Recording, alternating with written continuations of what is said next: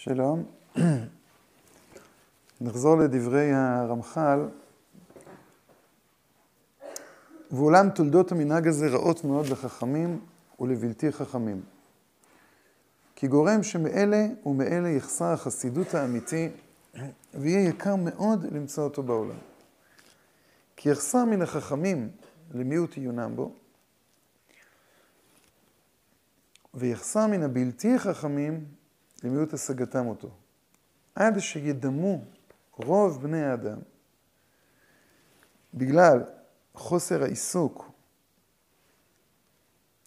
בצורה האמיתית, הנכונה, כן, ההולמת את, בחוכמת היראה, עד שידמו רוב בני האדם שהחסידות תלוי באמירת מזמורים הרבה ווידויים ארוכים מאוד.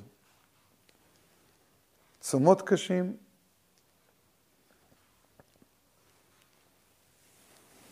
וטבילות קרח ושלג.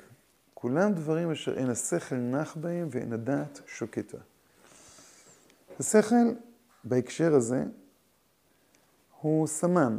הוא לא זה שיכול ליצור את אה, חוכמת היראה, הוא לא זה שיכול אה, אה, להיות נקודת המוצא לדיון, אבל כשהשכל לא נח, הוא מסמן לנו שיש פה איזושהי בעיה. כשאין הדעת שוקטה, כלומר, דעת פירושו של דבר, היכולת של האדם להתחיות, לבנות את החיים כתוצאה מהלימוד, כשאין הדעת שוקטה זה עוד פעם סימן שהתפיסה שלנו לא נכונה. והחסידות האמיתי, הנרצה והנחמד, רחוק מציור שכלנו. כן, מה זה ציור שכלי? ציור שכלי זה בעצם סוג של דמיון שנובע כתוצאה מהבנה. כן, כמו, הזכרנו תרחישים. כן, כשאדם אה, יוצר תרחיש זה אחרי שהוא הבין, הבין את מגמתו, הבין את הכיוון שלו, כן, הבין לאן הוא חוטא, עכשיו הוא מתחיל לראות איך הדברים יוצאים אל הפועל. היציאה אל הפועל משתמשת בכוח הדמיון. ציור שכלי, פירושו של דבר, שימוש בכוח הדמיון, אפשר לקרוא לזה בצורה מושכלת. והחסידות האמיתי רחוק מציור שכלנו. ממשיך הרמח"ל ובוחן את הנקודה הזו מזווית נוספת. כי זה דבר פשוט. מילתא דלורם יעלי דאיניש לאו אדייתי. דבר שלא מוטל על האדם, אינו נמצא ב...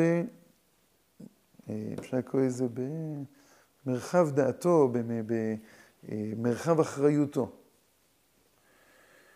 והיות והתחושה שלנו זה שחוכמת היראה היא לא מוטלת עלינו, היא לא, אה, היא לא חלק מהעבודה, מעבודת השם שלנו, מהעבודה בכלל.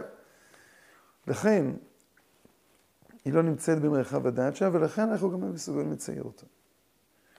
אומר הרמח"ל, זה דבר פשוט.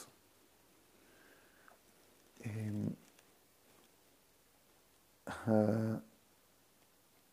גם אדם שלא עוסק בחסידות, גם אדם שלא עוסק בחוכמת היראה, גם אדם שלא עוסק בתיקון המידות, הוא מבין שכדי שתוכן יהפוך להיות אחד ממרכיבי האישיות של האדם, הוא צריך להיות מוטל עליו. הוא צריך להטיל על עצמו, כן? לקחת אחריות על, ה, אמ, על התוכן הזה. ואף על פי שכבר קבועים בלב האדם הישר התחלותיו ויסודותיו, אם לא יעסוק בהם, יראה פרטיו ולא יכירם, יעבור עליהם ולא ירגיש בהם. כלומר, כשאדם הוא, אמנם, אמרנו, יש לו טבע, טבע של יושר. יש לו אה, טבע שמאפשר לו, כן, להיפגש בצורה בלתי אמצעית עם אה, ה... אה, אפשר לקרוא לזה המבט הכולל, שטחי אמנם, אבל המבט הכולל של אה, חוכמת היראה.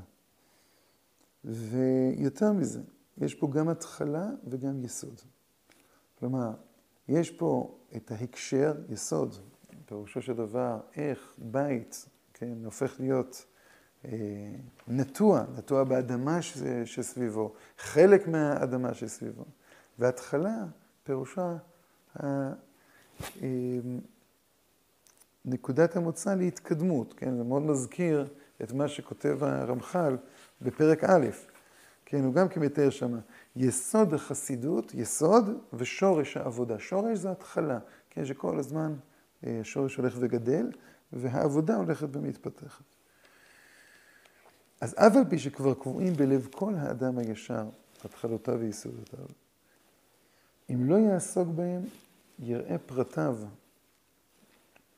ולא יכירם, יעבור עליהם ולא ירגיש בהם.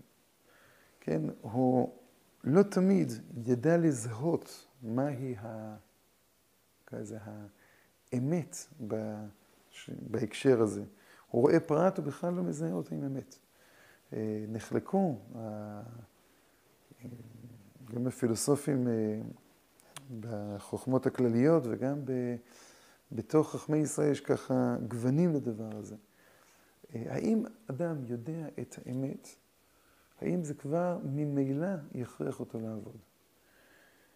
אה, חז"ל מתארים את אדם הראשון, יודע את קונו ומתכוון למרוד בו.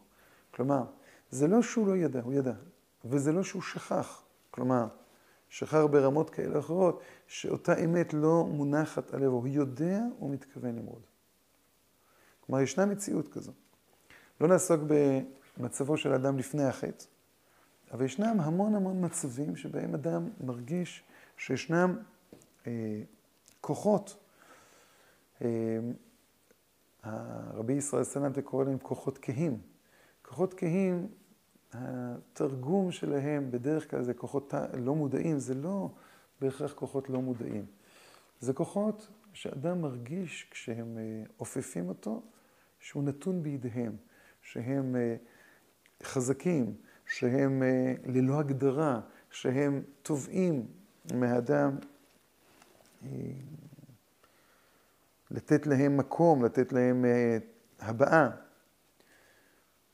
ישנו שלב שאדם רואה את הפרטים ולא מכיר אותם. ישנו שלב שאדם באמת לא מכיר את האמת, או לא מכיר את האמת, או לא מזהה את הסיטואציה. וישנו שלב שיעבור עליהם ולא ירגיש בם. כלומר, הוא עובר ו...